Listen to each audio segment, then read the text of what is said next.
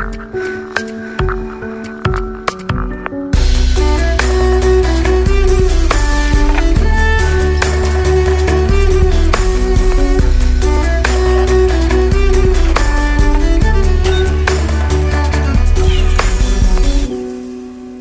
folkens. Hjertelig velkommen til en ny episode av Nerve.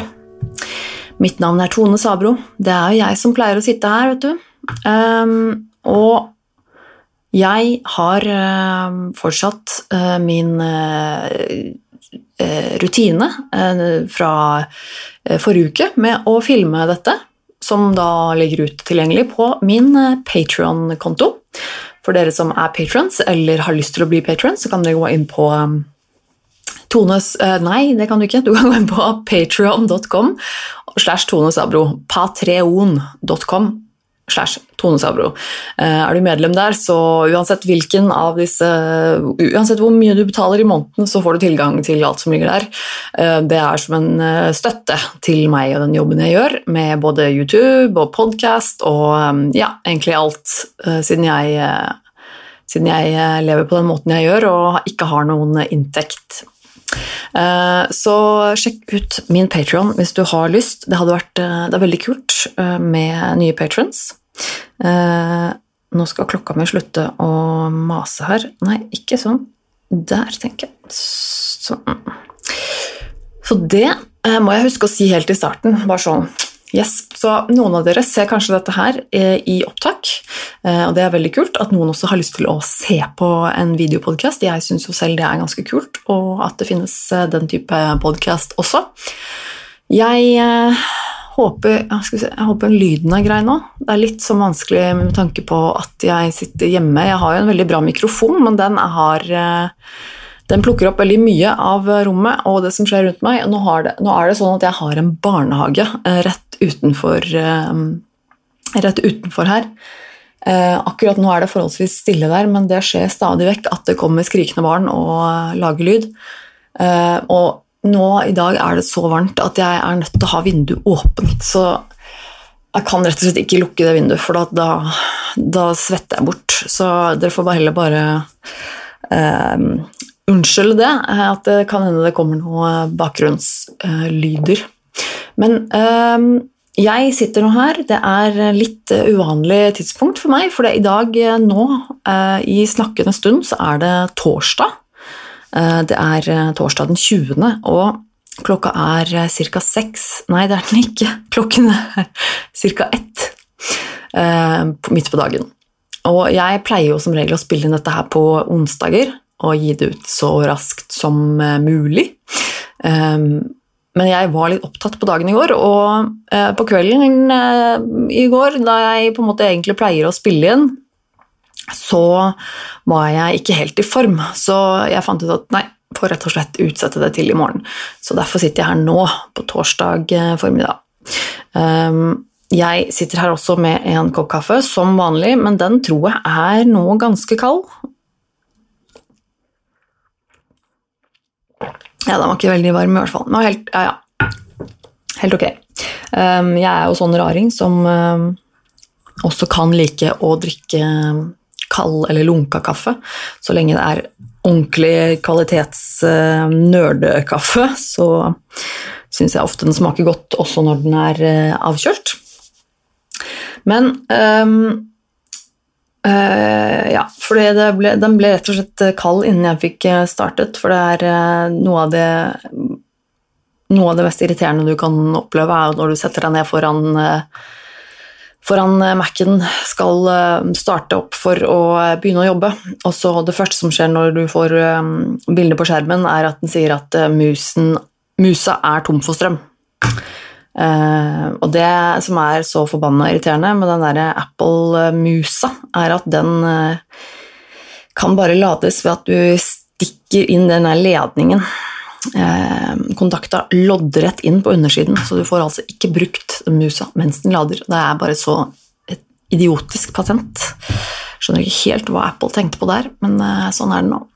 Um, jeg har jo Jeg har jo gjort en del siden sist. Jeg føler nå plutselig at det er at det er lenge siden sist. Eh, det er jo ikke noe spesielt lenge siden sist, men eh, det er vel kanskje fordi jeg har eh, opplevd, opplevd litt på denne uken her.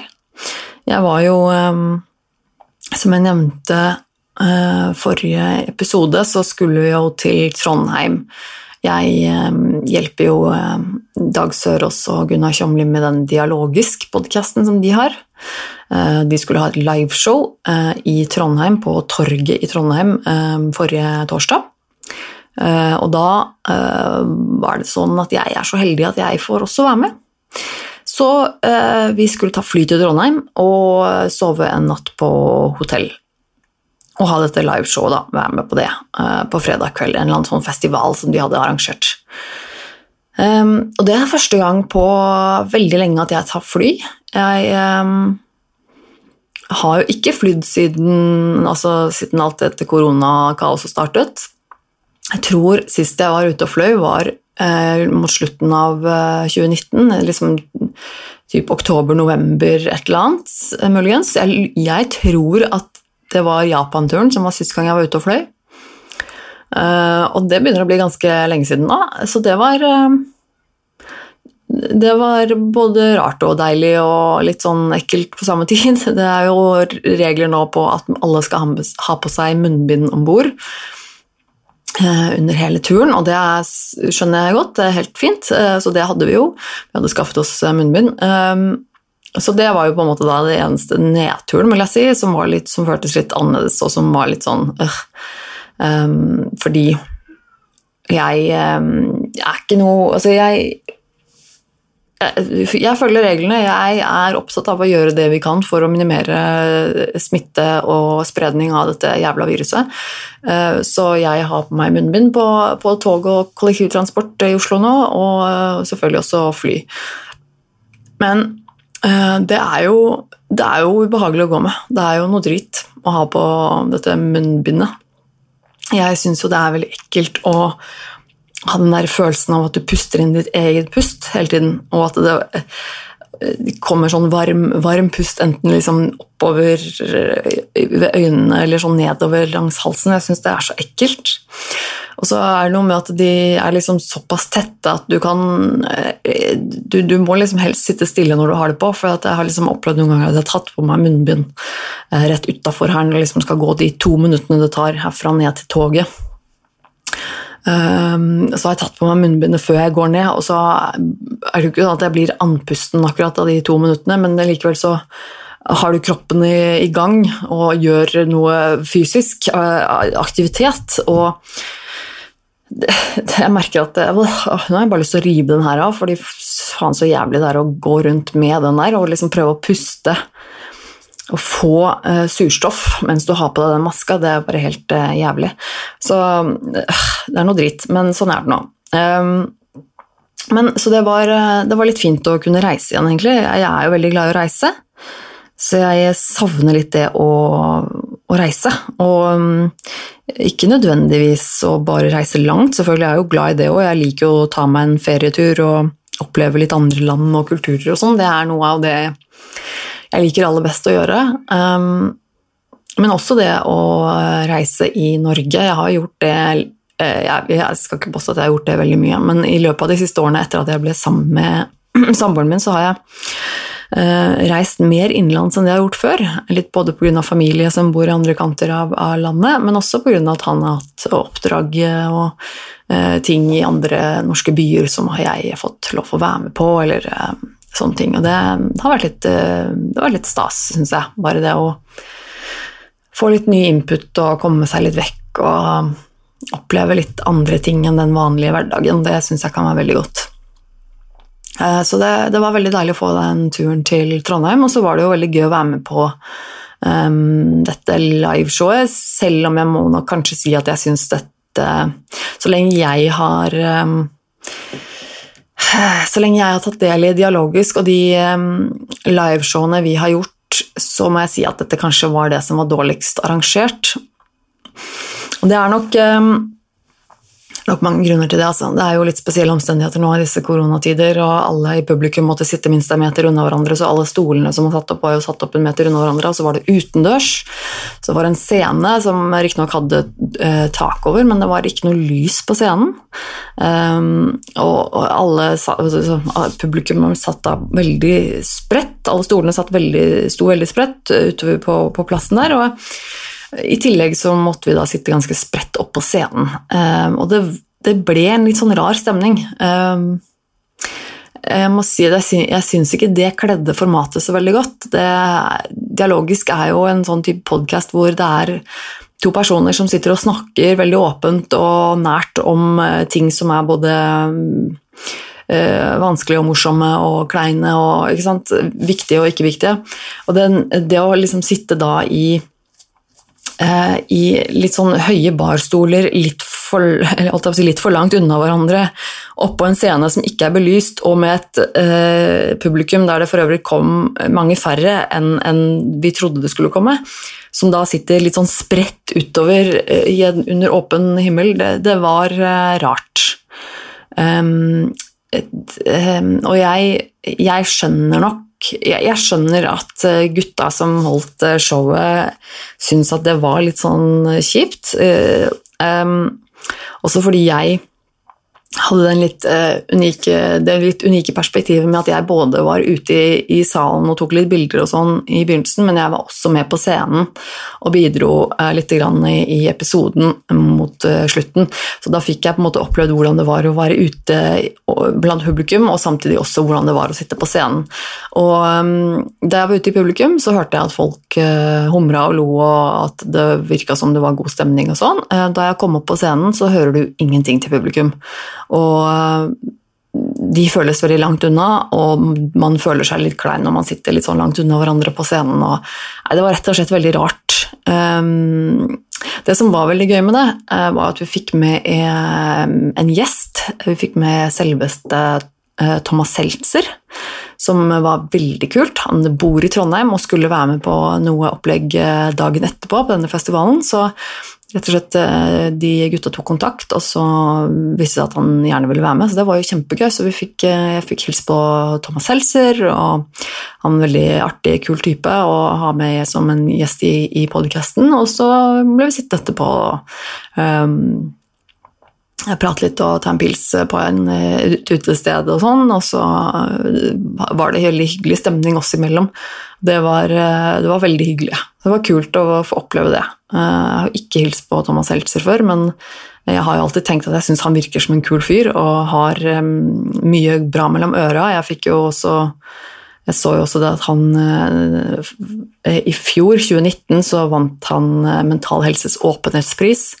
Han har jo vært ganske åpen om sine egne psykiske lidelser eller ting han har slitt med opp igjennom, og i forbindelse med rusmisbruk og litt sånne ting også, tror jeg. Han, jo, han spiller jo fortsatt i eh, band og sånne ting. Eh, men uansett, det var, det var eh, Jeg var litt sånn letta da jeg traff han, fordi han, jeg hadde et godt inntrykk av han sånn, at jeg hadde sett han på TV og sånn. Og da er det litt artig å treffe en person som viser seg at ja, men han var omtrent sånn som jeg hadde håpet og tenkt at han var. Veldig sånn kul type, avslappa, lett å snakke med. Så det var, det var hyggelig. Um, så setter jeg pris på. Og så var det, mens vi var i Trondheim, så hadde jeg for første gang plassert Kyla, hunden vår. Hun er fire måneder nå. Hun skulle da det er jo litt sånn Jeg vil jo gjerne ha henne med overalt. Jeg merker jo det at jeg er veldig sånn hundemamma. Jeg vil, jeg vil liksom oppleve alt med henne og vise henne verden. Jeg syns jo det er veldig gøy. Og hun er som regel veldig enkel å ha med å gjøre også når vi reiser rundt, syns jeg. Så, um, men når det er akkurat sånn med, med, fly og hotell og litt sånne ting, så, det, så fant vi ut at nei, det, det utsetter vi i så fall til en annen gang. Um, så da er det enten det å få hundevakt, eller så er det å um, teste ut hundehotell. Um, så det vi gjorde, var jo å uh, teste ut det. vi, hadde, vi fant en hundepark, eller hundehotell, kennel, hva man kaller det, eh, på Alna som eh, virka ok, eh, så vi leverte henne der dagen før vi reiste. Vi skulle reise ganske tidlig, og så hentet vi henne den dagen vi kom hjem. Og jeg tror um, Altså, da, da, jeg leverte henne uh, på uh, den kennelen, så var det nesten ingen hunder der. Det virka veldig rolig, og hun dama som styrte det vet, Jeg vet ikke om hun styrer alene, eller om hun har noen ansatte der. Jeg håper virkelig hun har noen ansatte. Um, da jeg kom tilbake for å hente Carla, så var det veldig mye hunder der. Um, både store og små, og det var et helvetes bråk, for alle bikkjenes uh, bjeffing går i ett, og det er liksom uh, det, var ganske kaotisk, uh, virka det som. Det, hun hadde jo riktignok skilt av, da, sånn at de små hundene er sammen, og de store hundene var liksom et annet sted. Så jeg så dem ikke engang. Jeg fikk ikke noe omvisning på, på i, i, lokalet eller området der. Det var litt sånn hm, ok, ville egentlig hatt det, for for meg er det jo litt viktig at jeg får et uh, inntrykk av at de vet hva de driver med, de folka som skal ta vare på mitt uh, tross alt familiemedlem da, mens jeg er borte. Uh, da er det jo selvfølgelig viktig at jeg kan stole på at de klarer å ta vare på, på henne, og at hun har det bra der. Um, så jeg hadde jo egentlig håpet at det var litt mer sånn åpent for å gå rundt og kikke, eller bare få se hvordan det ser ut der sånn generelt, men det var ikke mulig.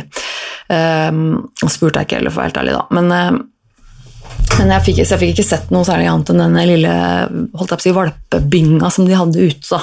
Sånt eh, avgjerda område ute eh, med en grind, liksom, hvor de hadde eh, de små hundene. Du hører lang vei jeg kommer gående oppover der, for å si sånn at nå nærmer vi oss kennelen. Men Men jeg tenkte jo Jeg, jeg merker jo at jeg får jo litt noia når jeg skal Det var vanskelig å, å, gå fra henne, faktisk. Det var det. Uh, og jeg tenkte jo på henne hele tiden mens vi var i Trondheim. At uh, åh, hvordan har Kyla det nå? Uh, går det bra med henne? Savner hun oss? Og jeg savna henne veldig mye. og var sånn, åh, skulle hatt henne her nå, og det var så koselig om hun var med. Og, for hun er jo på en måte babyen min. hun er jo et familiemedlem for meg nå. Så det var litt rart å gå så lang tid uten å se henne. Og så da jeg kom tilbake som sagt, for å hente henne, så var det masse hunder der. Og da kjente jeg at nå er jeg egentlig litt glad for at jeg skal hente henne, at ikke hun skal være her så mye lenger.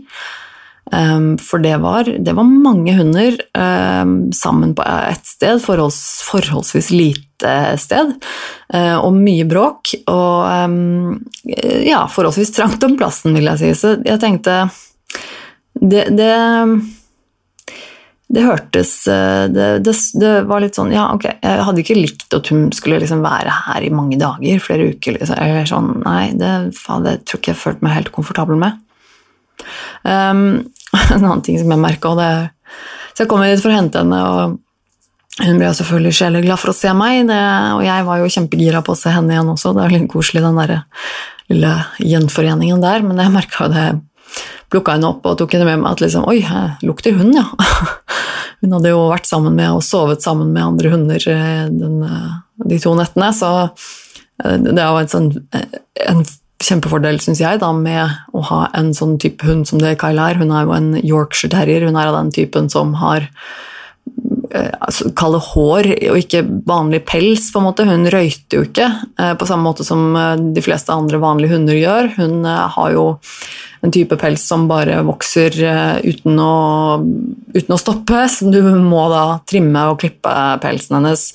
Men den røyter da heller ikke, og hun lukter også veldig lite. Ehm, jeg er litt sånn eh, Jeg syns ikke nødvendigvis den lukten av hunden er så veldig digg, så jeg syns det at hun eh, hun ikke lukter den der, eh, den der litt sure hundelukten, det, det syns jeg er fint. Men jeg merka at når hun hadde vært oppi den der bingegreiene der sammen med de andre hundene, så var det sånn Oi, ja. Du er en hund, ja. Det lukter jeg.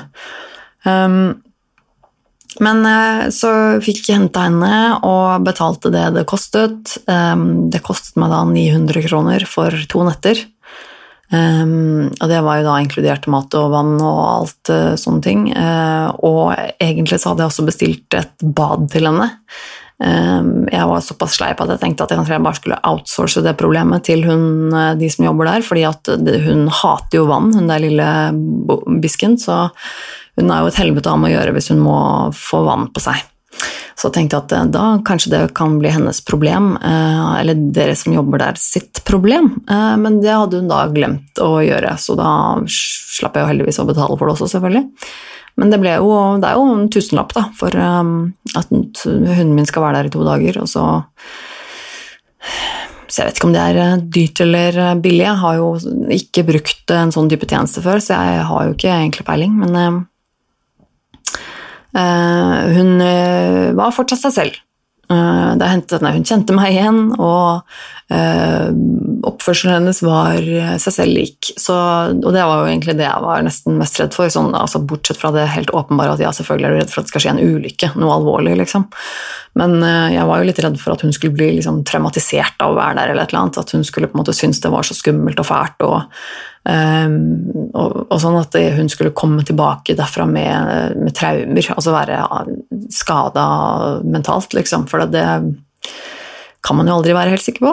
Uh, men det gikk jo heldigvis veldig fint, virka det som, da.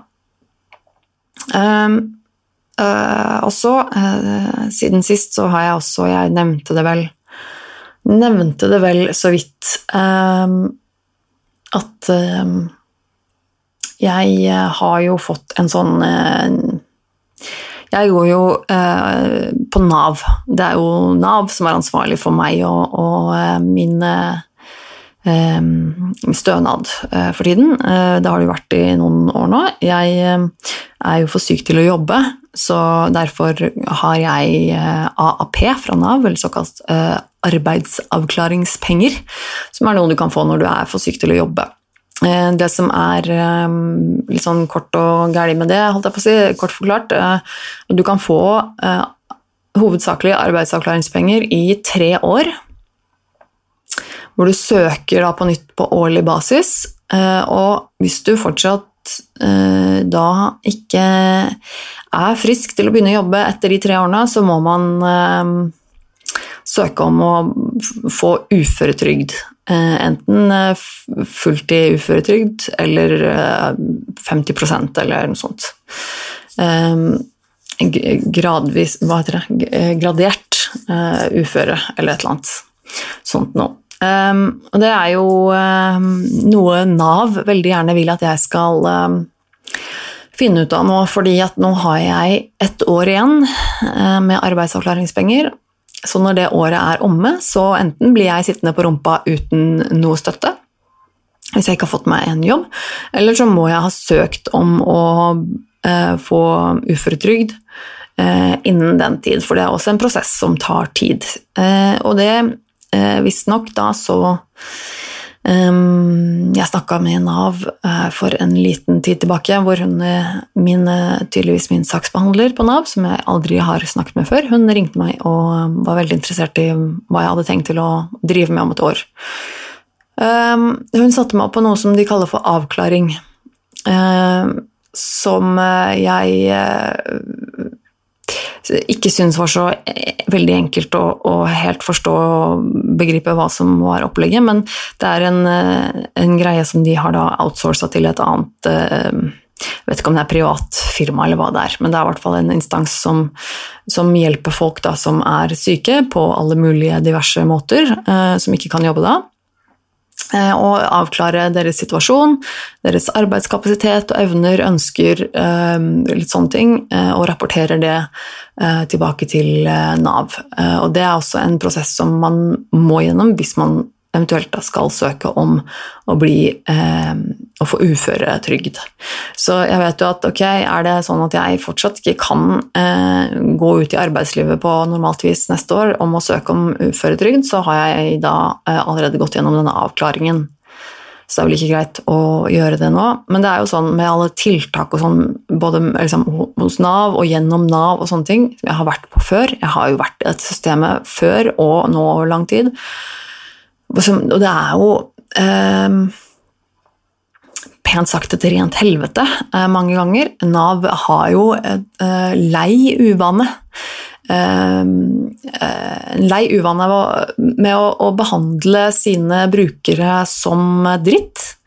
det er jo ikke noe ukjent. Det har jo vært mange mange tilfeller og saker opp gjennom åra hvor folk har prøvd å snakke ut om hva slags opplevelser de har hatt med Nav, og hvor mye feil Nav har gjort, og um, ikke minst om hvor, hvor, jævlig de behandler enkelte uh, brukere. Uh, som allerede står i en ganske vanskelig situasjon, uh, og så blir behandla som søppel, det er um, en ekstrem belastning. Det er litt sånn holdning ofte hos Nav at du, du er snylter til det motsatte er bevisst. Og det er eh, forferdelig slitsomt. Eh, og tidligere når jeg har vært på møte der eller truffet folk derfra, så har det vært stort sett preget av det å ikke bli trodd eller ikke bli hørt, eller bare ikke bli, altså ikke bli tatt seriøst, eller bare det at de egentlig ikke bryr seg. At de, de tenker får jo fort litt inntrykk av at de tenker at de fleste er bare folk som vil ha penger uten å jobbe. Um, og det gjør meg jævlig forbanna, det gjør meg jævlig frustrert, og det er ekstremt respektløst og en veldig inhuman måte å, å behandle folk som er syke på. Um, det er nok de aller, aller færreste av de som bruker Navs tjenester som faktisk bare er snyltere og som er sløve og som ikke gidder å jobbe. Det tror jeg er veldig, veldig få. Um, men så blir vi straffet for det alle sammen, eh, til tider. Og det syns jeg er eh, ubeskrivelig eh, jævlig, faktisk. Og det å måtte prøve å overbevise de menneskene om at nei, men jeg er faktisk jeg er for syk til å jobbe. Um, det er så nedverdigende. Og, er, og, så er det noe med den, den den holdningen som du blir møtt med da, at, eh, og jeg tenker, men altså, Hva er det du ikke skjønner? Altså, tror du virkelig at jeg syns det er gøy å være syk? Tror du virkelig at jeg syns det er gøy å bare sitte hjemme og ikke gjøre en drit i livet mitt? Ikke tjene noe penger? Altså, hva, hva, hva slags syn og holdning er det du egentlig har på folk? hvis du tror at det er så mange mennesker som, som gjerne bare vil la være å jobbe og sitte på ræva og ikke gjøre noen ting og få en liten krone spandert uh, fra Nav uh, i måneden Det er liksom Jeg blir ganske satt ut. Jeg blir ganske satt ut av det. Og så er det jo også mye holdninger uh, som da kanskje går på det at de tror ikke du er så syk som det du er, kanskje, eller Og det også gjør meg eitrende forbanna, fordi det er, liksom, det er så nedverdigende. Og det å snakke til folk eller ha en sånn holdning til folk som er syke, det, det er um, ja, nei, har, Det gjør meg rett og slett drittforbanna. Jeg har ikke ord for det. For det, hvis du tror at det er noe jeg ønsker, så tar du skammelig feil. Jeg har ikke valgt å være syk. Jeg har ikke valgt å være så syk at jeg ikke kan jobbe. Det er ikke et valg jeg har tatt. Eh, jeg sitter ikke her og tenker sånn Nei, vil heller være syk jeg, enn å jobbe. Er du helt dust i huet ditt? Og det også er en sånn holdning som jeg ofte ser fra til og med høytstående politikere i dette landet, som tenker at vi må få folk fort ut i arbeid. Ja, ok. Eh, altså, hovedsakelig er det fint, men du må også skjønne det at folk som er syke, og for syke til å jobbe, eh, det er ikke fordi at de har valgt å ikke jobbe. De fleste mennesker i dette samfunnet ønsker å ha en jobb, ønsker å bidra, ønsker å føle at de, at de er øh, ønsket. Um, og det er det å tro at folk har så lyst til å bare sitte hjemme. Det er en, en motbydelig, skammelig misoppfattelse, og det, det gjør meg skikkelig forbanna. Uansett, uh, ja, takk for meg, det var den ranten. um, men uh, ja, nei, så det skulle jeg si. Så det, det, at jeg da blir satt opp på et tiltak nå, uh, og skal igjen da gå og snakke med noen folk via Nav, ikke sant, og de skal grave opp i denne situasjonen min, og det at jeg ikke kan jobbe, og ditt og datt, så blir jo jeg med en gang sånn Å, fy faen, jeg har ikke lyst. Um, det som er fordelen uh, som jeg også merka da jeg kom dit. Og dette, hva var det den het? Um, oppfølgingsenheten Frisk, eller noe sånt. Um, det er De som blir henvist dit, det er folk som er syke. Um, og det er på en måte opplest og vedtatt at du, at du er syk. Uh, så, så, det er ikke noe, heldigvis så er ikke det noe jeg trenger å krangle på. Jeg er ikke der for å overbevise de menneskene om at jeg faktisk er syk. Jeg, um, for det, det, vet de, og det er så deilig. det er liksom um, det, det er ja, det høres kanskje rart ut, men det er helt ufattelig deilig å bare eh, vite at eh, jeg ikke Jeg, jeg kommer ikke for å overbevise deg om eh, at jeg har det jævlig. Jeg kommer nå bare for å fortelle deg om hvordan jeg har det. Så det var litt sånn jeg ble møtt av en dame der som var for så vidt veldig Virka hyggelig, hun. Og det, det var et litt sånn møte, sånn bli, holdt jeg på å si, bli kjent-møte om min situasjon og mine, min greier og hva som er vanskelig med meg i forhold til jobb og, og sånne ting. og ditt og datt. Og det gikk, eh, det gikk jo greit, men det er, det er jo slitsomt um, å, å ha en sånn samtale og igjen på en måte sitte og grave og um, ta opp ting som er litt sånn kjipt å snakke om. Det er fremmed, et fremmed menneske. Det er et sårbart tema, og det er liksom 18. gang jeg må snakke om dette for et nytt menneske, og det er noe dritt. Og jeg merka underveis at jeg bare åh, nå, jeg orker ikke dette. Og var liksom klump i halsen og bare å nei, ikke begynn å grine, og jeg orker ikke å sitte her og grine. Uh, så jeg ble veldig sliten av det, selvfølgelig, så resten av dagen så lå jeg eh, rett ut på sofaen. Jeg følte jeg hadde gjort meg fortjent til det. Eh, men, eh, men, det gikk for så vidt greit, og det som hun sa at det er liksom status, eller det som skjer der nå, er liksom at hun skal møte meg, eller vi skal i hvert fall snakke sammen en gang i uka, eller et eller annet sånt og kartlegge litt meg. Mine behov, hva jeg driver med, hva jeg vil, hva jeg skal, hva jeg klarer, ikke klarer. Um, og så um, skal det rapporteres tilbake til Nav uh, etterpå. Og så får vi jo se hva som skjer. Mm, så dere får uh, sikkert en oppdatering på det etter hvert. Men i går um, så var det en litt spesiell dag for meg. Uh, I går, onsdag, hadde jeg en sjeldent fin dag. Det var en virkelig etterlengta dag. Jeg hadde en avtale om å eh, treffe en venninne av meg.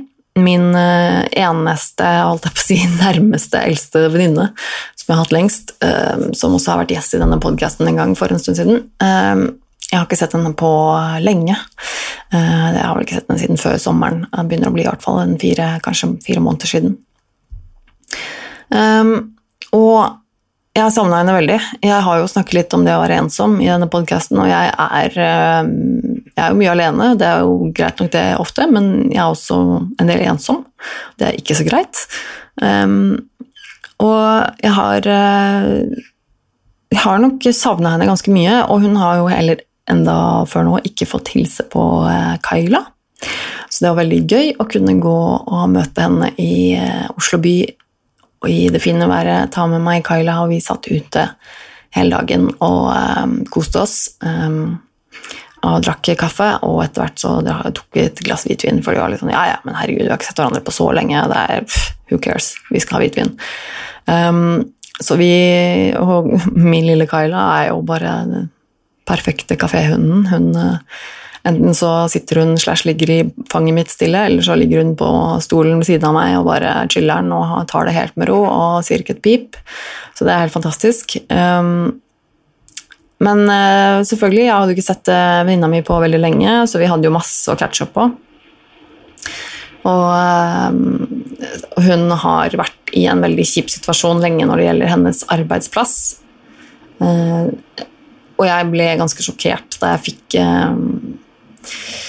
fikk greie på hvor ille det faktisk var. Eh, jeg har fått litt sånn i rykk og napp eh, små ting om at eh, hva hun har gått gjennom der, og skjønt at det har vært jævlig dritt. Men, men hun hadde skrevet en rapport som hun heldigvis har levert inn til ledelsen i den bedriften. Og da jeg leste den, så skjønte jeg jo at ok, det her er faktisk det er verre. Det er verre enn det jeg trodde. For hun har jo da blitt eh, utsatt for eh, eh, Altså Det er jo Det er bare noen mennesker som, som aldri skulle vært sjef. Det å være leder er eh, en viktig rolle, og det er en vanskelig rolle, og det er en rolle man skal ta jævlig seriøst. Og det veldig mange ofte, tror jeg, brenner seg på når det, er, når det gjelder lederstillinger, det er at man tenker at ja, men dette her kan jeg, denne jobben kan jeg, eh, jeg har kvalifikasjoner, jeg har den erfaringen. Og så um, er de kanskje ikke helt forberedt på det å ha personalansvar, som er noe av det vanskeligste, men også øh, noe av det du på en måte aldri blir utlært på.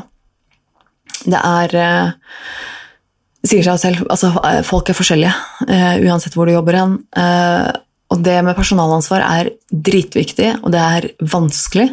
Og hvis du ikke gidder å, å sette deg inn i det og bry deg om det, og gjør det på riktig måte, så kan det ha katastrofale følger for de som jobber der. Um, og dessverre så har da min, eh, min kjære venninne vært utsatt for en sjef som eh, overhodet aldri skulle ha hatt eh, sjefsansvar.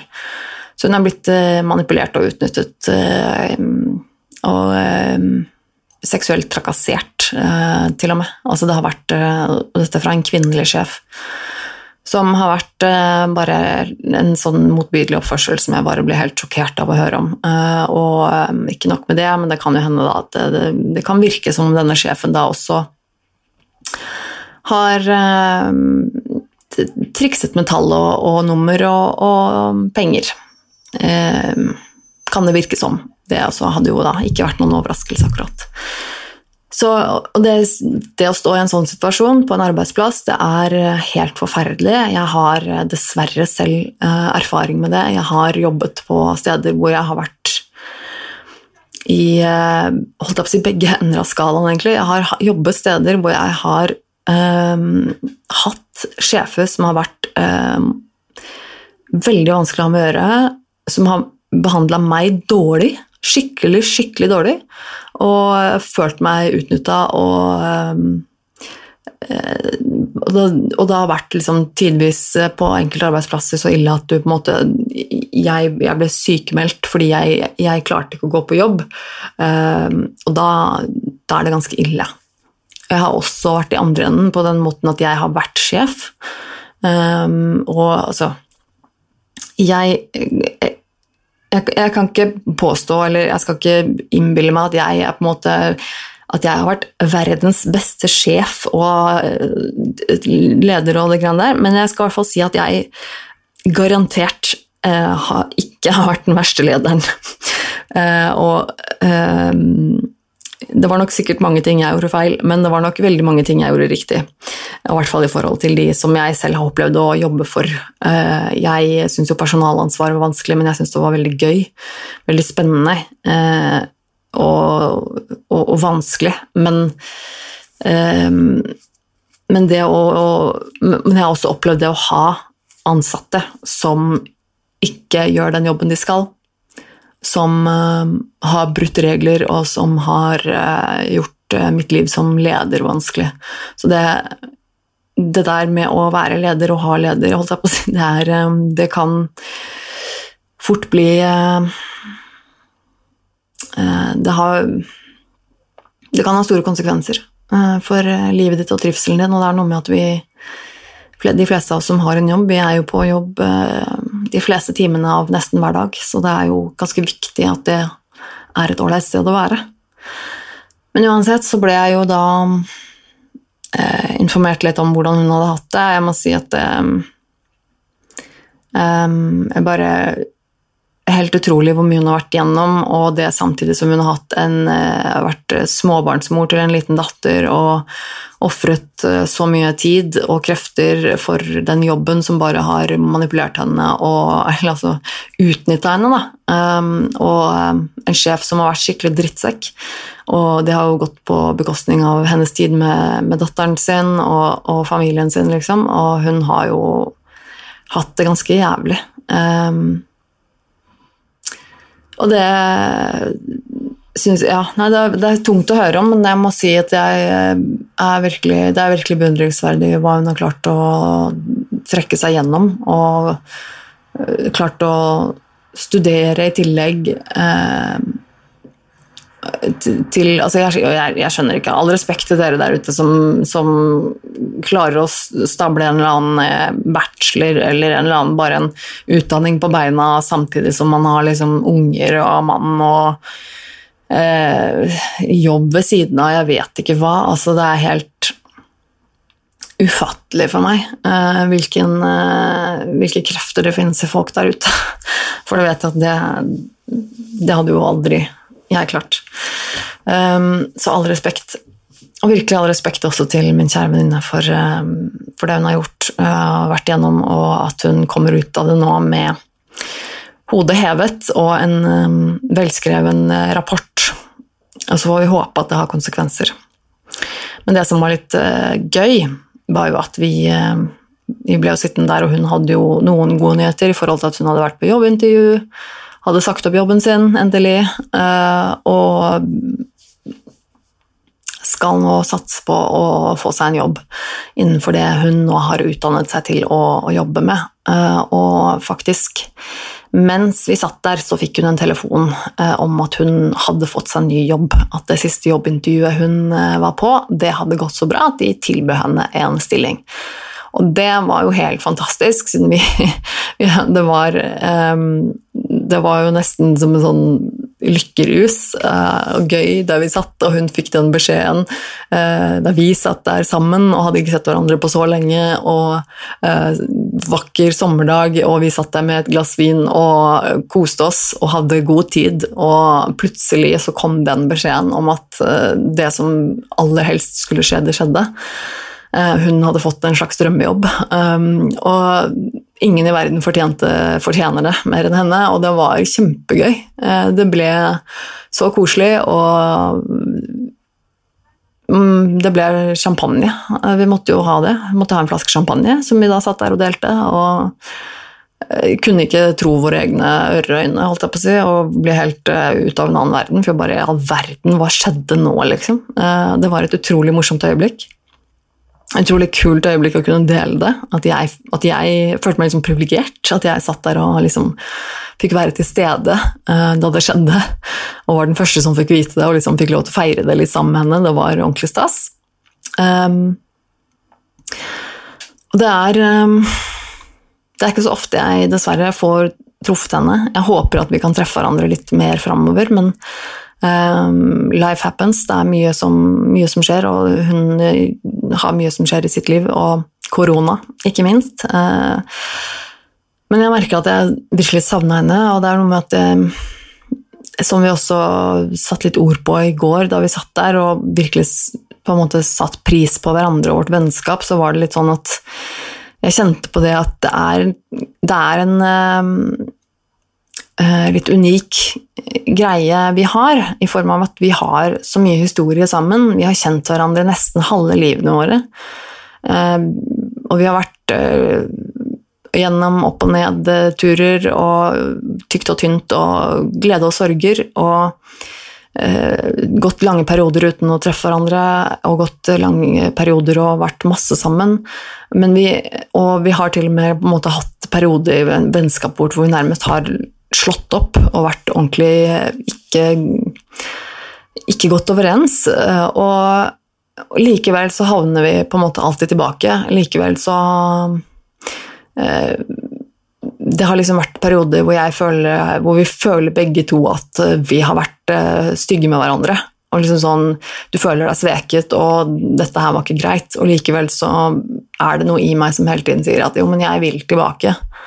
Eh, jeg vil tilbake til henne fordi hun er, hun er, noe veldig spesielt i livet mitt.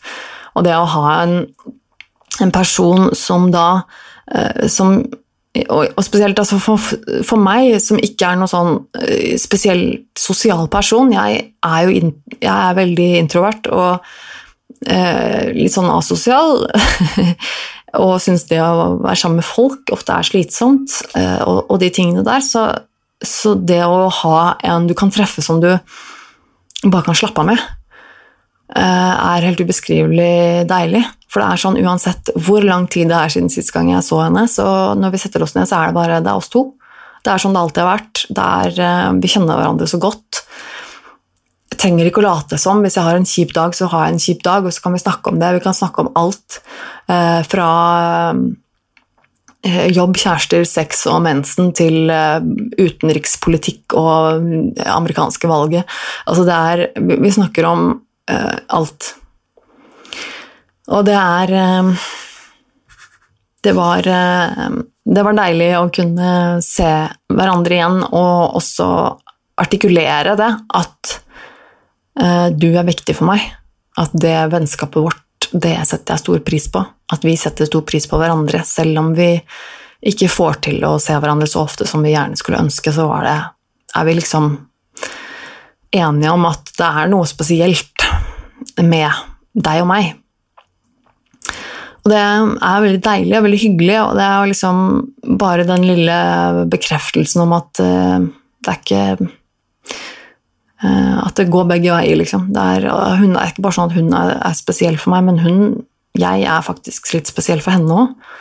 Og det er en sånn egen følelse i det òg, som, som, er litt viktig, i hvert fall for meg. At liksom, jeg, har, jeg, er en sånn person som trenger å, å føle at jeg eh, jeg trenger å føle meg, jeg trenger å føle meg elsket, for å si det sånn. Altså, jeg trenger å føle at folk eh, har bruk for meg, at jeg, er, at jeg, er, viktig for noen. Eh, at jeg betyr noe. Det er eh, å få det Ikke bare vite det, men også få det bekreftet iblant. Sånn, sånn, er jeg. Det er noe jeg trenger. Så det å da få det bekreftet i går, at eh, vårt vennskap er viktig, det, er, det kjente jeg at det var noe som jeg trengte. Så jeg hadde en særdeles fin dag i går. Det var Det er ikke ofte jeg har en sånn dag hvor det hvor jeg bare hadde det fint hele dagen. Det eneste som var kjipt i går, var at jeg kom hjem så var jeg litt dårlig, for da hadde jeg spist litt for lite og hadde drukket champagne og bare kjente at åh, nå ble jeg litt sånn kvalm. Så jeg måtte ligge litt på sofaen og bare var helt slapp i, i går kveld, men det var ikke noe Det gikk fort over. Det var, det var helt greit, og det var sånn, det var verdt det. Eh, fordi den dagen med, med venninna mi og lille hunden min var så, var så fin. Så jeg måtte liksom bare noen ganger så må man bare si det man føler, og i går så var det sånn Du, du er viktig for meg. Dette vennskapet vårt, det Jeg ser for meg fortsatt at jeg, jeg håper at uh, hun og jeg er sånn som sitter på gamlehjem sammen. Og uh, det, det, det Vi hadde vært et, eh, et artig vennepar på et gamlehjem, tror jeg. To gamle kjerringene der hun og jeg er veldig forskjellige sånn, i utseende og, og, stilmessig og sånn. Så jeg liksom med mine masse skrukkete tatoveringshud, sikkert ganske spinklete, sammenkrølla type, og hun ved siden av meg som da ser ut som en verdens koseligste bestemor, liksom. Nei, det er sært. det hadde vært fantastisk. Um, uansett, ja. Um, Nei, så det, det, gjorde vi i Det gjorde jeg i går. Det var uh, veldig deilig. Jeg prøver å se noe på kamera. Ja, det går fint. Glemmer nesten helt å holde øye med ting, at det går uh, for seg her. Uh, ja. Å, kald kaffe. Mm. Men ja. Så det, det var en dag jeg trengte i går rett og slett. En liten um, En liten energiboost. Håper jeg. Føler jeg. Tror jeg. Altså um, hadde jeg egentlig tenkt til å snakke mer om politikk. Og det er litt sånn what? Ja. Um, fordi jeg jeg er ikke noen person som er spesielt opptatt av politikk. Eh, jeg syns politikk er fryktelig slitsomt, jeg syns det er eh, ganske motbydelig til tider, og jeg syns jo ofte at um, det absolutt ikke er politikere som burde være politikere. Um, og det er jo helt sinnssykt det som skjer borti statene nå med valget som eh, kommer. Jeg tror ikke det er noen her som kan unngå å få med seg det. Det er jo på en måte noe som eh, dekkes i alle medier og er overalt, og denne forbanna kvalme motbydelige typen som er president i USA, som nå forhåpentligvis ikke får fortsette å være det snart. Um, det er um, Det er mye, uh, eh, syns jeg, å, å, følge med på. Altså, det, er, det er mye som skjer, men det er også mye i den forbindelse med at jeg, forstand om at jeg, jeg, jeg, kjenner at jeg blir, jeg blir litt jeg blir sint og frustrert og nærmest redd. Fordi eh, Donald Trump er Ikke bare er han en motbydelig type, han er forkastelig i mye av det han mener og sier og gjør. Men han er skummel. Han er rett og slett skummel. Jeg syns at han er um, Jeg tenker at et menneske som er så ekstremt narsissistisk uh, og blottet for hver evne til å uh, empati. og, se verden fra flere vinkler, og i det hele tatt å kunne sette seg inn i andres ståsted og, og forstå egentlig at, verden, at det fins en verden som ikke omhandler ham. Et sånt menneske er rett og slett skummelt i utgangspunktet, men det at en, et sånt menneske sitter i en maktposisjon på den måten han gjør, det er Det er så hinsides. Uh, og det er så skummelt, og det jeg syns er aller mest skummelt med det nå, er eh, at den mannen, han eier ikke skrupler. Han er eh, Han skyr ingen midler for å vinne. Han gjør hva som helst for å vinne det valget. For i hans hode eh, er det ingen bedre enn han.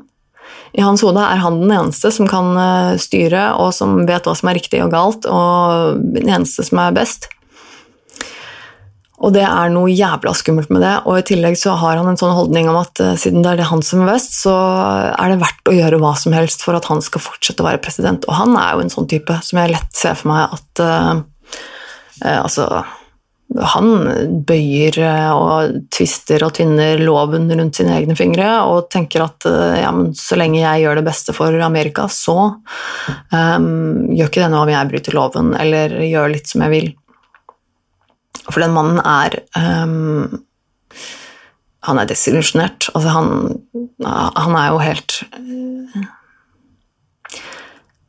Nesten så jeg skal si at han er jo sjuk. Uh, og det hadde ikke overraska meg om han uh, hadde blitt grundig undersøkt og testet, så hadde han kommet ut i andre enden med en narsissistisk personlighetsforstyrrelse. Det hadde ikke overraska meg det grann. Men så kommer jo selvfølgelig aldri det til å skje, for sånne mennesker som han de vil jo aldri, aldri, aldri i verden innrømmet på noe som helst vis at det er noe galt med dem, eller at de tar feil, eller at de burde ha blitt testet for noe som helst. Um, som uh, jo gjør dette her veldig skummelt. Nei, jeg, jeg, må, jeg snakket litt om det i går også med venninna mi. Vi snakka litt om politikk og snakka om alt mulig rart. Og prøver å følge med litt på valget i USA. Um, jeg syns jo um, Uff, nei, det er, det er, trist. Jeg syns rett og slett det er ganske trist um, hvor rævkjørte de er der borte. Uh, det eneste håpet nå er liksom at Joe Biden vinner. Uh, og Joe Biden er jo i utgangspunktet heller ikke en fantastisk kandidat for å være president, uh, i mine øyne. Um, jeg tenker at det, er en grunn til at, han, at dette er nå var det tredje forsøket hans. Han gjør og sier mye rart, eh, men eh, i det minste så har han fått med seg en visepresidentkandidat som eh, Kamala, Harris, som er, um, som er bra. Selv om det nå var et ganske åpenbart valg, vil jeg si. Men uh, det er um, men det er spennende å se. Det er uh, veldig nervepirrende, spennende og helt uh, kvalmende å følge med på. Og jeg, som jeg sa til eh, min eh, venninne i går, at uh, det med denne pandemien, det koronagreiene som skjer nå, det er også um, Det er jo helt utrolig. Tenk at vi sitter i den situasjonen. At det er Donald Trump som er president i USA. At vi har en pandemi gående, og at, at, det, at nå er det liksom førstemann til målstreken eh, om å finne en, en vaksine. Og det er jo jævlig skummelt, og med tanke på at Donald Trump kommer til å spytte inn så mye penger og krefter han bare kan for at de fort som F skal finne en vaksine som han kan stå for å pumpe ut og redde verden i gåseøyne med. Um, og så vinne valget på det. Uh, og det, det, som er skummelt med det, er jo selvfølgelig at jeg ser for meg at han, han er sånn type som uh, Han vet ikke hva han snakker om, han vet ikke hva han driver med. Han skjønner Han kan ikke vitenskap, han vet ikke hva han vet ikke sitt eget beste engang. Han vet ikke eh, stort hva han snakker om. Så det å pushe ut en vaksine så fort som overhodet mulig, det er jævlig skummelt. Eh, det å bare pumpe inn masse penger i det og si at eh, kom igjen, kom igjen, kom igjen, førstemann, førstemann. Eh, og gjerne nå før valget og liksom fort som mulig, fort som mulig. Det er Det er så skummelt. Eh, det er så jævlig skummelt. Så jeg ser for meg et sånn katastrofescenario hvor, eh, hvor, eh, de fortere enn svint kommer med en vaksine, og den eh, kommer liksom i type oktober rett før valget. Bam, der har du vaksinen. Vi har klart det. Yes, Donald Trump, jeg er best. Jeg har reddet dere, jeg har funnet vaksinen, og begynner å spre den utover til alle vinner, fordi folk er jo desperate. Eh, og den er jo selvfølgelig da utviklet altfor fort og altfor lite testet. Um, så uh, vinner Trump uh, valget pga. at han da har klart å uh, i gåsehudene redde verden fra pandemien.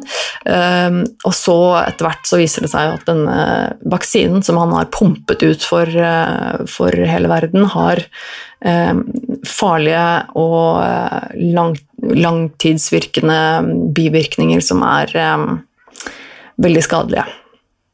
Det er det jeg ser for meg. At eh, han på et vis kommer til å klare å Det hadde, det hadde ikke overraska meg. Det er jo selvfølgelig katastrofe. Det hadde jo vært det verste som kunne skje. Men det er jo ganske absurd i det hele tatt at jeg sitter i den situasjonen nå hvor jeg ser for meg det scenarioet i hodet mitt, og så tenker jeg sånn Ja, ja, men altså, man vet aldri. Det kunne faktisk skjedd. Og det er ganske jævlig skummelt.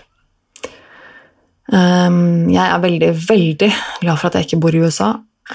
Um, og samtidig syns jeg veldig synd på de som bor der. Uh, dessverre så er jo realiteten det at uh, det påvirker jo Det påvirker oss også. Uh, så nei, vi må bare prøve å, prøve å bevare sinnsroen og følge med og Uh, ta en pause fra det hvis vi merker at det blir for mye. tenker Jeg Jeg tenker også at jeg, skal ikke obsesse for mye med det og gå helt i en sånn depresjon av det kaoset der, uh, og heller ta en pause når det trengs. og tenke at ok, men Følg med litt sånn i periferien, men, får, men altså, jeg får ikke gjort noe med det. Jeg sitter, jeg kan ikke stemme, jeg kan ikke gjøre noe med det konkret, det som skjer i statene. så Eh, litt sånn viktig å huske på det òg, holdt jeg på å si. At jeg må ta vare på meg sjøl oppi det òg, i det som skjer, og tenke at ok eh, det, er lov å, det er lov å følge med, men du trenger ikke å ikke, ikke ta alt på dine egne skuldre og syke, på en måte. Ja. Nei, eh, jeg skal, eh, jeg skal, avslutte nå, folkens. Jeg har snakket en god stund. Ikke vet jeg hvor lenge nå, men eh, en god stund har det i hvert fall blitt. Jeg vil igjen minne dere på om at jeg, jeg setter kjempestor pris på de av dere som støtter meg på Patron. Det betyr veldig mye. Det gir meg en liten inntekt i livet mitt, og en liten motivasjon til å fortsette med dette her, med podkasten og med YouTube og sånne ting. Jeg ønsker jo veldig, veldig å, å kunne fortsette med det. Eh, det kommer ekstra ekstramateriale, det kommer livestream eh, den, hver søndag, og denne podkast-episoden ligger som en videopodkast også på Patrion. Hvis du ikke er så veldig interessert i innholdet som er der, så er det helt greit, men om du likevel har lyst til å støtte meg for å støtte meg, så setter jeg pris på det uansett. Min YouTube-kanal finner du også på, via internettet. Da kan du søke på navnet mitt, Tone Sabro, på YouTube, så finner du kanalen min. Der ligger det jo, Alt der er jo selvfølgelig gratis å se på. Um, jeg legger ut uh, litt uh, greier der òg, som jeg setter stor pris på at får views og visninger, da, som det heter på norsk. visninger og, og delinger og kommentarer og ratinger og sånn, tro det eller ei, så er det noe som hjelper mye. For det, det, å få spredd videoene mine, eller kanalen min, og få mer abonnenter, det gjør også at jeg eh, tjener litt penger på den jobben. At jeg faktisk får noen kroner for, eh, for videoene mine på YouTube. Det er ikke mange kronene, men jo flere, eh, jo mer. så det er jo eh, Så det er alle monner drar. Så takk for, takk for det. Og som vanlig så kan du finne meg i sosiale medier. Jeg prøver å holde dere litt oppdatert. Ehm, det er eh, Nerve med Tone på Instagram som er den offisielle siden. Eh, samme på Facebook. Nerve med Tone. Og så har du eh, mine personlige sider, som er Tone Sabro.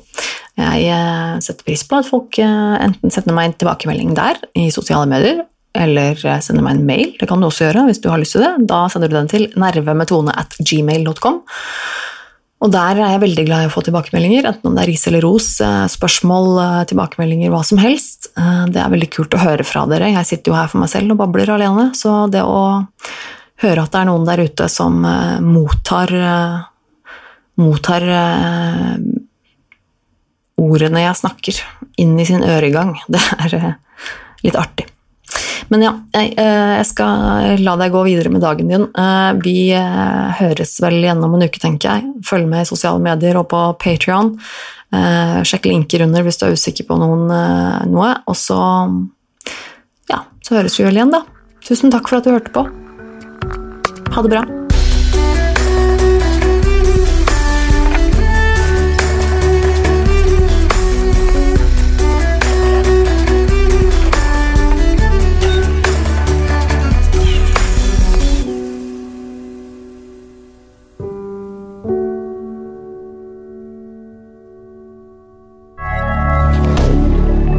Media. Har du et enkeltpersonforetak eller en liten bedrift? Da er du sikkert lei av å høre meg snakke om hvor enkelt det er med kvitteringer og bilag i fiken, så vi eh, gir oss her, vi. Fordi vi liker enkelt. Fiken superenkelt regnskap.